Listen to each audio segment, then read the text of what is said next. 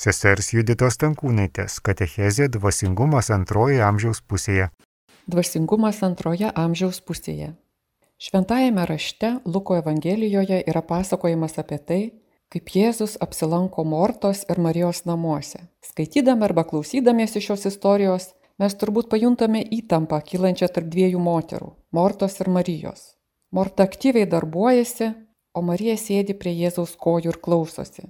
Šis šventraščio pasakojimas dažnai yra interpretuojamas kaip dviejų skirtingų pašaukimų pavyzdys. Tačiau galima į šią istoriją žiūrėti kaip į vienos mens istoriją susijęta su besikeičiančiu pašaukimu. Mortos asmenyje mes galime matyti pirmosios mūsų gyvenimo pusės moters, motinos, vyro ar tėvo pašaukimą, o Marijos rolė mums atspindi antrosios gyvenimo pusės - močiutės, senelio dvasingumą ir pašaukimą. Žmogaus gyvenime ir jo dvasinėje kelionėje galima išskirti tokius tris pagrindinius etapus arba tris mokinystės. Tai pagrindinė mokinystė, gimdančioji ir radikalioji. Pagrindinė mokinystė siejama su kova arba pastanga susitvarkyti savo gyvenimą. Gimdančioji mokinystė - tai kova dėl gyvenimo dovanojimo, atidavimo kitiems. Ir radikalioji mokinystė - tai kova dėl mirties atidavimo. Šie išvardyti gyvenimo etapai arba kovos prasideda paauglystės amžiuje lytinio brendimo metu ir tęsiasi iki žmogaus gyvenimo pabaigos. Pirmajai žmogaus gyvenimo pusiai priskiriama pagrindinė ir gimdančioji mokinystė, o antrajai amžiaus pusiai priskiriama radikalioji mokinystė. Manoma, kad pirmoje amžiaus pusėje mūsų kova labiausiai panaši į grumtynę su velniu, o antroje - grumtynės su Dievu. Taigi, kaip atrodo pagrindinė mokinystė arba gyvenimo etapas nuo paauglystės iki pasiektos tam tikros brandos. Bibliškai grumtinių vaizdas gali būti panašus į evangelisto Luko 15 skyriuje aprašytą sunaus palaidūno kovą ir pastangas. Turbūt daugelis žinome šį švento rašto pasakojimą. Jaunėlis sunus iš tėvo įsireikalauja savo dalį, palieka jo namus ir bando atrasti savo gyvenimą. Jis patiria ir suvokia daug dalykų ir kartu supranta, kad atėjo laikas grįžti namo. Ne tik fiziškai, bet ir dvasiškai. Kaip šis grumtinių vaizdas atrodo mums arba kaip pasireiškia jis mūsų gyvenime. Tai dažniausiai išgyvenamas tam tikras neramumas, vienišumas, aktyviai ieškoma savo identiteto, atsiranda poreikis ieškoti gyvenimo prasmės. Lytinė brendimui įtakojant, mes tarsi verčiami palikti namus. Mūsų užvaldo jaunatviška ir kartu chaotiška jaunystės jėga ir energija. Šiuo laikotarpiu išgyvenamas gundimas įvairiems malonumams, patogumui, turtams ir prabangai. Bet šiame etape taip pat pradeda prabusti moralės, dorovės troškimas, kova ir rūpestis teisingumu ir sažiningumu. Kol pagaliau atsiranda nostalgija, troškimas, noras grįžti namo, grįžti prie šaknų, dorų draugyščių, prie tylos, prie nuošalumo. Paprastai prireikia maždaug 20-25 metų sugrįžimui namo. Kai mūsų troškimas atrasti, ir sutvarkyti savo gyvenimą, atrodo įsipildęs ir mes jaučiamės esą namuose, tuomet pradedame mąstyti, o kasgi toliau? Kaip aš galėčiau dosniau, giliau ir prasmingiau dovanoti savo gyvenimą? Tai jau gimdančiosios mokinystės ženklai. Taigi gimdančioji mokinystė tai savo gyvenimo dovanojimas, dovanojimas kitiems. Grumtinių vaizdas šį kartą bibliškai gali būti panašus į Jėzaus aktyvėją veiklą, jo tarnystę. Jėzus moko, gydo, subūrė mokinius, rodo pavyzdį, nebijo susidurti su skirtingai mąstančiais ar paribiuose esančiais žmonėmis. O kaip tai pasireiškia mums? Kaip tai pasireiškia mūsų gyvenime? Tai tarsi pojūtis, kad esu gyvenimo šeimininkas, šeimininkė, gebantis atlikti daugybę darbų, kurie suteikia gyvybingumo ir džiaugsmo. Tai darbai, kurie susiję su profesija, namais, vaikais ar bendruomenė. Jaučiama iš esmės pasikeitusi motivacija. Tarsi toks sulaužytas malonumo principas. Aišku žinojimas, kas esu ir ko noriu, integruotas seksualumas, pajėgumas palikti paauglystę ir tapti moterimi ar vyru. Tai savotiško patogumo jausmas, bet kartu ir sveikas rūpestingumas bei jaunatviškumas. Širdies gilumoje išgyvenamas tam tikras ilgesys, noras eiti giliau ir kažkaip daugiau atsiverti Dievui. Stiprėjantis ilgesys širdies gelmėje vėl verčia galvoti, kas toliau, kur galėčiau vykti ar ką daryti, kad dar labiau įprasminčiau savo gyvenimą. Toks nerimas jokių būdų nėra neurotinis, tai kvietimas radikaliai mokinystėje. Kai gimdančioji mokinystė pereina į radikalę, tuomet asmo išgyvena augantį, bet sveiką rūpestingumą. Sakoma, kad tuomet lieka tik du rūpeščiai. Tai rūpestis, kad plistų Dievo karalystė ir rūpestis savo paties mirtimi. Dažnas iš mūsų gerai žinome, ir mokame, kaip atiduoti, dovanoti savo gyvenimą šeimai, profesijai, bendruomeniai, bažnyčiai. Bet radikalioje mokinystėje, paskutinėme savo gyvenimo etape, mes esame kviečiami mokintis atiduoti ir savo mirtį. Atiduoti savo mirtį Dievui. Gimdančioji mokinystė daugumai iš mūsų bus ilgiausias mūsų gyvenimo laikotarpis Per visus tuos metus mūsų gyvenimo užduotis yra labai aiški. Kaip aš galiu atiduoti savo gyvenimą griniau, dosniau, kūrybingiau. Tačiau būti atsakingai suaugusiais, kurie vykd, valdo namus, mokyklas, bažnyčias ir verslą, nėra paskutinis mūsų gyvenimo etapas. Mes visi turėsime palikti namus antrą kartą ir tai tikrai bauginanti užduotis savo gyvenime mes pasiekiame tarsi tokį tašką, kai kyla klausimas, kaip dabar galėčiau gyventi, kad mano mirtis būtų palaima mano šeimai, bažnyčiai ir pasauliui. Radikali mokinystė ir kova dėl mirties atidavimo yra paskutinis mūsų gyvenimo etapas. Būdami krikščionys mes tikime, kad Jėzus gyveno dėl mūsų ir kad Jis mirė už mus, kad Jis atidavė mums ir save, ir savo mirtį. Jėzus atidavė savo gyvenimą mums per savo aktyvų veikimą, tarnystę skirtą mums ir per savo pasyvų veikimą, priimdamas mirties bėgiškumą, pažeminimą ir vienatvę. Taigi kaip Jėzus mes taip pat esame kviečiami dosniai ir nesavanaudiškai atiduoti savo gyvenimą Tačiau taip pat turime palikti šią žemę taip, kad mūsų mirtis būtų paskutinė, o galbūt ir didžiausia dovana pasauliui. Nereikia nesakyti, kad tai nėra lengva. Ši kova dėl mirties atidavimo yra radikali mokinystė, kurioje vyksta grumtynė su Dievu. Grumtynių vaizdas bibliškai gali būti panašus į Jėzaus kančią. Kaip tai galima patirti ir kaip tai gali pasireikšti mums, kaip tai gali pasireikšti mūsų gyvenime. Šiame etape dažnai pasireiškia pyktis, iškyla senos žaizdos, pasireiškia egoizmas, bet kartu ir reikalingumas atleisti savo pačiam ir kitiems, bei tapti laimingu seneliu arba laiminga močiute. Susidurėme su tam tikra painiava, bet kartu ir su poreikiu supaprastinti savo kalbą ir vis labiau tapti Sofija, remtis sukaupta išmintimi. Aišku, kad kurį laiką savo identitetą dar siejame su savo ankstesniais pasiekimais, bet kartu iškyla poreikis suvokti savo naują identitetą Dievuje. Lieka gyvi tam tikri prisirišimai, bet iškyla poreikis atsisveikinti, paleisti savo mylimus asmenis ir atiduoti savo mirtį taip, kaip savo jaunystėje mes dovanojome jiems gyvenimą. Tai tam tikras procesas, kai po truputį mokomės vis iš naujo viską paleisti, kad atrastume.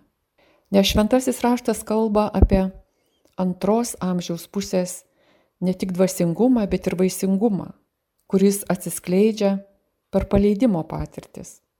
Kai paliekame savo įskaičiavimus, prisirišimus, nusistatymus ar ankstesnės patirtis ir atidžiai, kaip Marija prie Jėzaus kojų, klausomės Dievo, norėdami suprasti, kogi Dievas linki mums sulaukus vyresnio amžiaus. Pradžios knygos 12 skyrius pasakoja apie Abraomo ir Saros naują pašaukimą ir vaisingumą vėlyvame amžiuje. Mes nežinome šio pasakojimo istoriškumo, bet žinome tai, kai Abraomas ir Sara buvo perkopę 75 metų amžių, jie suvokė, kad Dievas juos kviečia palikti savo namus, įprastą gyvenimą ir keliauti į nežinomą kraštą. Tai įvaizdis radikalaus siekimo Kristumi, radikalios mokinystės. Kad geriau suprastume šią radikalią mokinystę arba šį paskutinį savo etapą, pasižiūrėkime į vieną pavyzdį. Tarkime, giliai tikinti krikščioniška šeima, užauginusi penkis vaikus, išeina į pensiją ir apsisprendžia dirbti savanoriais karitatyvinėje ir kitoje bažnyčios veikloje.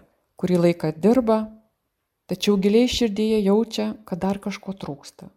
Pasitarę su dvasios vadovu, jie nusprendžia melstis su šventu raštu ir vieną dieną pasirenka tekstą apie Abromo pašaukimą. Taip melsdamiesi po kurio laiko supranta, kad jie, kaip Abromas ir Sara, turi kažką panašaus daryti. Palikti savo kraštą ir iškeliauti.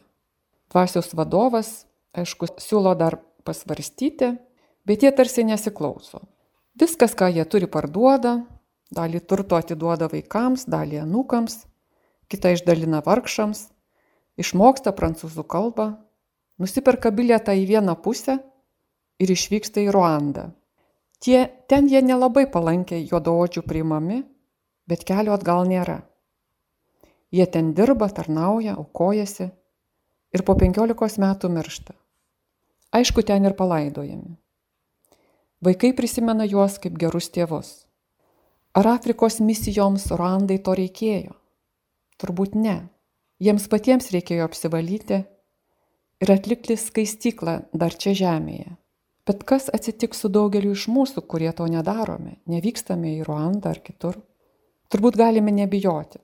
Tai bus atlikta už mus. Įvairios nepagydomos lygos, negalios, galiausia vėžys, Kartais jau yra vienos krypties bilietas į Ruandą be grįžimo atgal. Šiame gyvenimo etape dažniausiai mes į Evangeliją pradedame žiūrėti pažodžiui raidiškai ir nieko nelaukdami pažodžiui ją vykdome. Tai gražus susidėgymas, bet neapsigaukime, nebandykime per anksti tapti motina Terese, nes dažniausiai tai bus tik mūsų ego kelionė, kuri baigėsi depresija. Manau, kad gimdančios mokinystės etape, kai mes sulaužome malonumo principą ir gyvename dėl kitų, pasiruošiame tinkamam radikaliam apsisprendimui ir apsivalymui. Apsivalymas yra kelias, kai išmokstame paleisti, nekontroliuoti, mokomės labiau pasitikėti Dievu ir Jo malonę, bei į gyvenimą žiūrime kaip į dovaną. Nes juk viskas mums yra dovana. Tai nėra mūsų nuosavybė. Ir ne viskas turi būti taip, kaip mums tuo metu atrodo geriausia. Šis etapas tai kartu ir mokymasis visiškai pasitikėti Dievu. Švento Ignaco Lojolos malda labiausia tai išreiškia. Joje sakoma, paimk viešpatė visą mano laisvę, imk visą atmintį, protą ar valią, visą, ką turiu ar valdau, tu man suteikiai, todėl viską tau gražinu ir tavo valiai perduodu valdyti. Duok man vien savo meilę ir savo malonę. Ir būsiu pakankamai turtingas, kad nieko daugiau neprašyčiau. Taigi trumpai apžvelgėme šiuos tris gyvenimo etapus, bet dabar trumpai pasižiūrėkime, kokius dalykus savo gyvenime galėtume praktikuoti, kad paskutinėme gyvenimo etape mūsų mirtis būtų palaima šeimai, bažnyčiai ir pasauliui. Norėčiau paminėti tokius keturis dalykus. Labai svarbu, kad mes išmoktume apmastyti, išmoktume laiminti, gyventi sveiką nuovoką, melstis kunigišką ir širdies maldą arba asmeninė malda. Tokie keturi dalykai. Tai pirmiausia, apsvarstymo svarba. Marija yra geriausias to pavyzdys. Iš švento rašto žinome, kad Marija giliai svarstė matytus įvykius savo širdyje ir kartais atrodo, tuomet, kai reikėjo kažką daryti, ji nieko nedarė. Marija stovėjo po Jėzaus kryžiumi. Ką jis sakė ir darė stovėdami po kryžiumi? Nieko nedarė ir nieko nesakė. Tai nėra atviras protestas. Tai greičiau išlaikymas ir perkeitimas įtampos, neperdodant jos kitiems. Ji nepuola keikti ar mušti kareivių. Ji tiesiog stovi ir tyli. Išlaiko įtampą, nepasiduoda apmaudui, pasipiktinimui, o leidžia, kad tai persikeistų į gėrį ir meilę. Taip svarstanti yra Marija po kryžiumi. Nieko negalinti padaryti, nieko pakeisti, bet išnešioti tą skausmą prisikėlimo dienai. Hebrajų kalboje žodis svarstyti reiškia laikyti, nešti, perkeisti. Tai įtampos, blogio perkeitimas, negražinant jo atgal davėjui. Turbūt priešingybės svarstymui būtų susižavėjimas. Susižavėjimas veikia panašiai kaip elektros laidas, kuris nepalaiko energijos, tik ją praleidžia. Šventasis raštas labai gerai pailustruoja, kad Jėzus vengia sužavėti žmonės darydamas stebuklus, nes jis žino, kaip tai laikina ir neefektyvu. Jėzus veikiau imasi įtampos išlaikymo ir perkeitimo, nei kitų sužavėjimo. Jis neatsako piktu už piktą, dantis už dantį, bet prisima viso pasaulio įtampas, baimės, nuodėmės ir perkeičia. Dažnai, kai kas nors mus pagiria, ir mes atsakome tuo pačiu. Tu irgi esi puikus vadovas, vadovė, puikus menininkas, bet kai kas nors parodo mums nepalankumą ar kritikuoja, mes greičiausiai atsakome tos pačios rušies nepasitenkinimo ir kritiką. Nėra lengva atsukti kitą skruostą, tai yra neatsakyti tuo pačiu. Sunku tuomet nuoširdžiai sakyti kitam, aš linkiu tau gero, nors man skaudu tai, ką girdžiu iš tavęs. Jėzus kiekvieną iš mūsų kviečia irtis į gilumą, mokytis priimti nepalankumą ir gražinti atgal meilę priimti pavydą ir gražinti atgal pripažinimą, priimti prakeiksmus ir gražinti atgal palaiminimus, priimti kartėlį ir gražinti atgal geronoriškumą. Esame kviečiami stovėti po Jėzaus kryžiumi kaip Marija. Jėzus nori sėkėjų, o ne gerbėjų. Nes susižavėjimas gali mūsų klaidinti ir atitolinti nuo Kristaus. Kiekviena šeima ar bendruomenė turi tam tikrų problemų. Ir jeigu mes norime nusimesti, atsikratyti visą tai, neperkeičiant, mes pradedame suktis tarti, tarsi užburtame rate ir sunku kažką padaryti, sunku kažką pakeisti. Kartais tikrovė yra ta, jog sekti Kristumi tai eiti jo pėdomis, panašiai kaip jis, tapti Dievo avinėliu ir prisimti šeimos ar bendruomenės skausmą ir Dievo malonės vedamiems jį perkeisti. Tai aišku ne vaikų darbas, kurie ginčijasi, kas pirmas pradėjo ar kas mane įskaudino. Jėzus kviečia mus tapti suaugusiais. Kartai šeimoje, darbovietėje ar bendruomenėje reikia išmokti patylėti. Marija irgi tylėjo, nes kartais nėra ką pasakyti. Ir nesakykime, tu padarėjai tai ir tai, tu esi kaltas, nes tuomet būsime tarsi elektros laidas, kuris praleidžia srovę, jos neperkeitės. Jėzus nori suaugusių sekėjų. Bet kartais mes jaučiame jog esame tam dar nepasiruošę.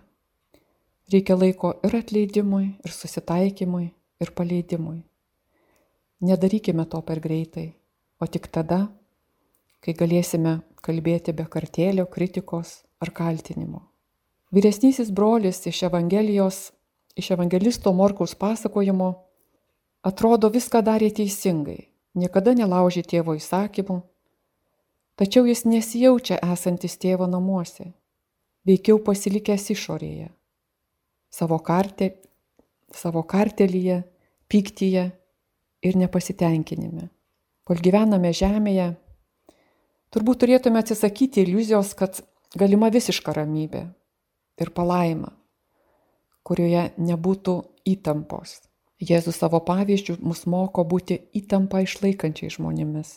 Krikščionis yra žmogus, kuris nebando kuo greičiau atsikratyti įtampos, nes ji nepatogi, bet mokosi ir eina krauju prakaituoti kaip Jėzus. Turbūt, kai pasirenkame eiti lengviausiu keliu, atsisakant įtampos dėl greitesnio, bet laikino palengvėjimo, dažniausia baigiame depresijoje arba kartelyje. Kągi vis dėlto daryti su mūsų pačių įtampomis, kurios mūsų užvaldo? Pirmiausia, aišku, tai neperduoti jų kitiems, neatsakyti tuo pačiu. Tai neperduoti įtampos tiems žmonėms, už kuriuos esame atsakingi, mokytojas už mokinius, dėstytojai už studentus, tėvai už vaikus, vadovai už pavaldinius ir taip toliau. Antropologiškai žiūrint arba remiantis sociologinių, socialinių ar kitų veiksnių visuma, mes visada jaučiame poreikį atsikratyti įtampų.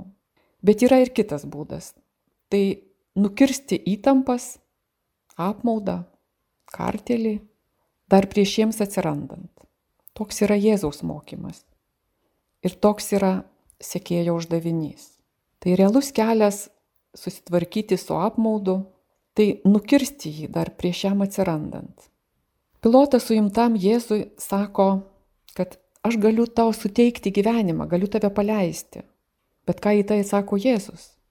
Jis sako, aš pats laisvai atiduodu savo gyvenimą, tu man neturi jokios galios jo atimti, nes aš jį jau atidaviau. Bandykime įsivaizduoti, kaip tai galėtų įsipildyti mūsų gyvenime, mūsų kasdienybėje. Man iškyla toks pavyzdys. Iš anksto nusiperku kelionės autobusų bilietą ir sėdžiu man patogioje vietoje Bet šalimais atsisėda šeima su vaikais ir jiems reikia daugiau vietos. Aš galiu užleisti savo vietą, dar jiems nepaprašius, ir susirasti savo kitą blogesnę vietą. Arba laukti, kol šeima arba vairuotojas paprašys. Taigi laisvai atiduok tai ir mėgaukis. Ir nelauk, kol bus iš tavęs pareikalauta arba paprašyta. Tai tarsi užbėgimas pasipiktinimui už akių. Antroji praktika kuri būtų svarbi mūsų gyvenime, tai yra išmokti laiminti arba praktikuoti laiminimą. Kasgi vis dėlto yra laiminimas? Lotiniškas žodis benedicerė reiškia gerai mąstyti, gerai kalbėti. Tai linkėti kitam gero. Ne tik linkėti, bet ir padėti, kad tas geris kitame išsipildytų. Tai kartu visiškai paprasti dalykai. Tai matyti ir gerėtis kitu asmeniu, parodyti, kad tau jis, jie yra svarbus, tai gilus ir paprastas matymas. Kalbėti tik gerai apie kitą asmenį, džiaugtis juo, nuoširdžiai pasakyti, kad man smagu tave matyti ar panašiai. Ir aišku, dovanoti savo gyvenimą kitam, kad kitas turėtų gyvenimą, atiduoti dalį savo gyvenimo, nes jis turi aukti, o aš mažėti. Paprastai laiminimas vyksta nuo viršaus žemyn.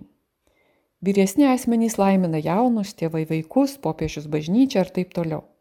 Labai veiksminga, kai tėvas laimina sūnų, motina dukrą, vyresnė moteris laimina jaunesnę. Kartais labai sunku vyresniai moteriai laiminti jaunesnę, nes dažnai joje mato konkurentę besikeisinančią jos populiarumą. Turbūt kiekvienas iš mūsų galime klausti, kaip dažnai aš laiminu, ypač jaunesnį asmenį. Noriu dar pailustruoti tokį vieną pavyzdį, laiminimo pavyzdį. tarkime, darbovietėje yra organizuojama piligriminė kelionė, bet yra ribotas skaičius vietų. Iškyla toks sunkumas atrinkti darbuotojus. Ir kaip juos atrinkti? Ar aš galiu atsisakyti pasinaudoti kelionės pasiūlymu ir pakviesti vykti jaunesnį, ką tik įsidarbinusį darbuotoją? Ar aš pasilieku savo pačiai šią galimybę? Ar galiu sakyti, kad tu vyki kelionę, tu esi mūsų ateitis? Tai yra labai konkretus laiminimas, ne tik linkėjimas gerų dalykų, bet ir padėjimas, kad jie išsipildytų. Šventajame rašte, pradžios knygos skyriuje, randame šešis didžiuosius Dievo palaiminimus. Dievas visą sukuria ir palaimina sakydamas, kad tai yra gera, jis to džiaugiasi. O kai sukuria žmogų, jis sako, kad tai labai gera, tiesiog nuostabu, nepakartojama. Turbūt gimtoji nuodė nepanaikino šio palaiminimo. Nors sunku patikėti, kad Dievas dabar žiūri į pasaulį ir sako, kad tai yra gera. Prisiminkime ir kitą švento rašto pasakojimą Morkaus Evangelijoje, Morkaus pirmas skyrius, apie Jėzaus krikštą Jordano upėje. Iš dangaus pasigirsta balsas, tu mano mylimasis sūnus, tavimi aš geriuosi. Tai tėvo laiminimas sūnui. Tikiu, kad šie žodžiai, šis laiminimas Jėzui buvo labai svarbus. Jis padėjo suprasti ir tęsti savo tarnystę, nes Jėzus suprato, kad tėvas juo pasitikė ir linki jam gero. Turbūt Jėzus tik gavę šį palaiminimą galėjo laiminti ir kitus. Trečiasis yra gyventi sveika nuovoka arba pakilti aukščiau savo mažų taisyklių. Vėlgi, turbūt prisimename švento rašto pasakojimą iš Luko Evangelijos, kai vieną dieną ateina jaunas grįžkis pas Jėzų ir klausia, gerasis mokytojau, ką turiu daryti, kad laimėčiau amžinai gyvenimą. Jėzus sako, nevadink manęs geru, nemėgstu susižavėjimo. Kągi raštas sako apie amžinai gyvenimą? Sako, kad mylėk Dievą, laikykis įsakymo. Jaunuolis atsako, kad jis viso to laikosi. Bet Jėzaus iškelta sąlyga jaunuoliui pasirodo per didelė. Jis anaip tol nebuvo blogas žmogus, blogas jaunuolis, bet atėjo liūdnas ir išėjo liūdnas. Neatsiliepė Dievo kvietimui. Jis pasiliko prie savo mažų taisyklių, įsitikinimų, požiūrių. Šis jaunuolis taip pat nebuvo naujas Jėzaus sėkėjas, bet jis buvo tarsi užstrigęs pagrindinėje mokinystėje, savo tame pirmame gyvenimo etape. Ir ketvirtasis dalykas, kurį galėtume praktikuoti, tai kunigiškoji ir širdies malda, asmeninė malda. Yra dvi svarbiausios maldos rūšys - tai asmeninė malda ir liturginė kunigiškoji malda, vieša bažnyčios malda. Asmeninė malda tai yra malda, kuri nesuskaitoma daugybė būdų bando atverti mus ir mūsų širdis, kad mes galėtume išgirsti Dievą mums sakant, aš myliu tave, tu mano mylimasis sunus, mylimoji dukra tavimi aš geriuosi. Kas yra kunigiškoji malda? Tai yra Kristaus malda per bažnyčią už pasaulį. Kristus vis dar surenka mus kartu apie savo žodį ir vis dar aukoja amžinąjį meilės veiksmą už pasaulį. Pratesdami šį aktą mes tikime, kad kai susitikę bažnyčioje susirenkame apie Dievo žodį ar švenčiame Euharistiją, mes dalyvaujame Kristaus maldoje ir aukoje. Tai yra liturginė malda. Tai Kristaus, ne mūsų malda. Kaip iš tiesų melstis kunigiškąją maldą. Meldžiamės kaip Jėzus kai savo egoizmą paukojame dėl bendro gėrio. Tai yra kunigiškoji malda plačiaja prasme. Kunigiškoje malda melžiamės ne tik už save ir geriausio atveju ne patys, bet kai melžiamės už visą pasaulį sakydami, viešpatie Dieve, aš stoviu prieš tave, mano atvirume, išvelg viso pasaulio atvirumą, mano neištikimybėje pasaulio neištikimybę, mano nuoširdume, pasaulio nuoširdumą, mano veidmainystėje, pasaulio veidmainystę, mano dosnume, pasaulio dosnumą, mano egoizmime, egoizme, pasaulio egoizmą, mano dėmesingume, pasaulio dėmesingumą, mano įsiblaškime, pasaulio įsiblaškimą, mano troškime garbinti tave, pasaulio troškimą tave garbinti, mano susirūpinimą savimi, pasaulio tavęs užmiršimą. Šiandien tau iškeliu kaip auką visą, kas yra šiame pasaulyje, džiaugsminga ir skausminga. Aukoju tau pasaulio pasiekimo duoną, taip pat aukoju ir pasaulio nesėkmių vyną, kraują visko, kas buvo sutraiškyta, kol visa buvo pasiekta. Aukoju tau mūsų pasaulio galinguosius, turtinguosius, garsiuosius, mūsų atletus, menininkus, kino žvaigždės, verslininkus, jaunuolius, veikuosius ir visą, kas kuria ir turi gyvenimo pilnatvę. Taip pat aukoju tau tuos, kurie yra silpni, paliegę, pasenę, sugniuždyti, nesveiki, mirštantys ir persekiojami. Aukoju tau visą pasaulio grožį, malonumus ir šio gyvenimo džiaugsmus, net kai stovi su tavimi po kryžiumi tvirtindamas, kad tas, iš kurio yra atimti žemiški malonumai, yra kertinis bendruomenės akmuo. Aukoju tau stipriuosius ir išpuikusius, kartu su silpnaisiais ir ramios širdies, ir prašau tavęs palaiminti visus ir išplėsti mano širdį, kad ji kaip ir tu galėtų laikyti ir laiminti visą, kas yra. Aukoju tau šio pasaulio, tavo pasaulio stebuklus ir skausmus. Amen. Turbūt visiems mums būtų naudinga praktikuoti šias abi maldos rūšis. Turbūt pabaigai norėčiau pasiūlyti keletą tokių klausimų apmąstymui. Kiekvienas galėtume pamastyti, kokiame gyvenimo etape aš esu. Ar pagrindinėje mokinystėje, gimdančioje ar radikalioje. Kokios yra mano patirtys ar iššūkiai pereinant iš vieno mokinystės etapo į kitą. Ką esu kviečiamas daryti, praktikuoti, kad prasmingiau išgyvenčiau kiekvieną gyvenimo etapą. Ir mano laikysena, kokia yra mano laikysena įtampos ir blogio akivaizdoj. Kiek aš pajėgus tai perkeisti, kokios malonės norėčiau paprašyti. Sesers Juditos Tankūnaitės katechezė dvasingumas antroji amžiaus pusėje.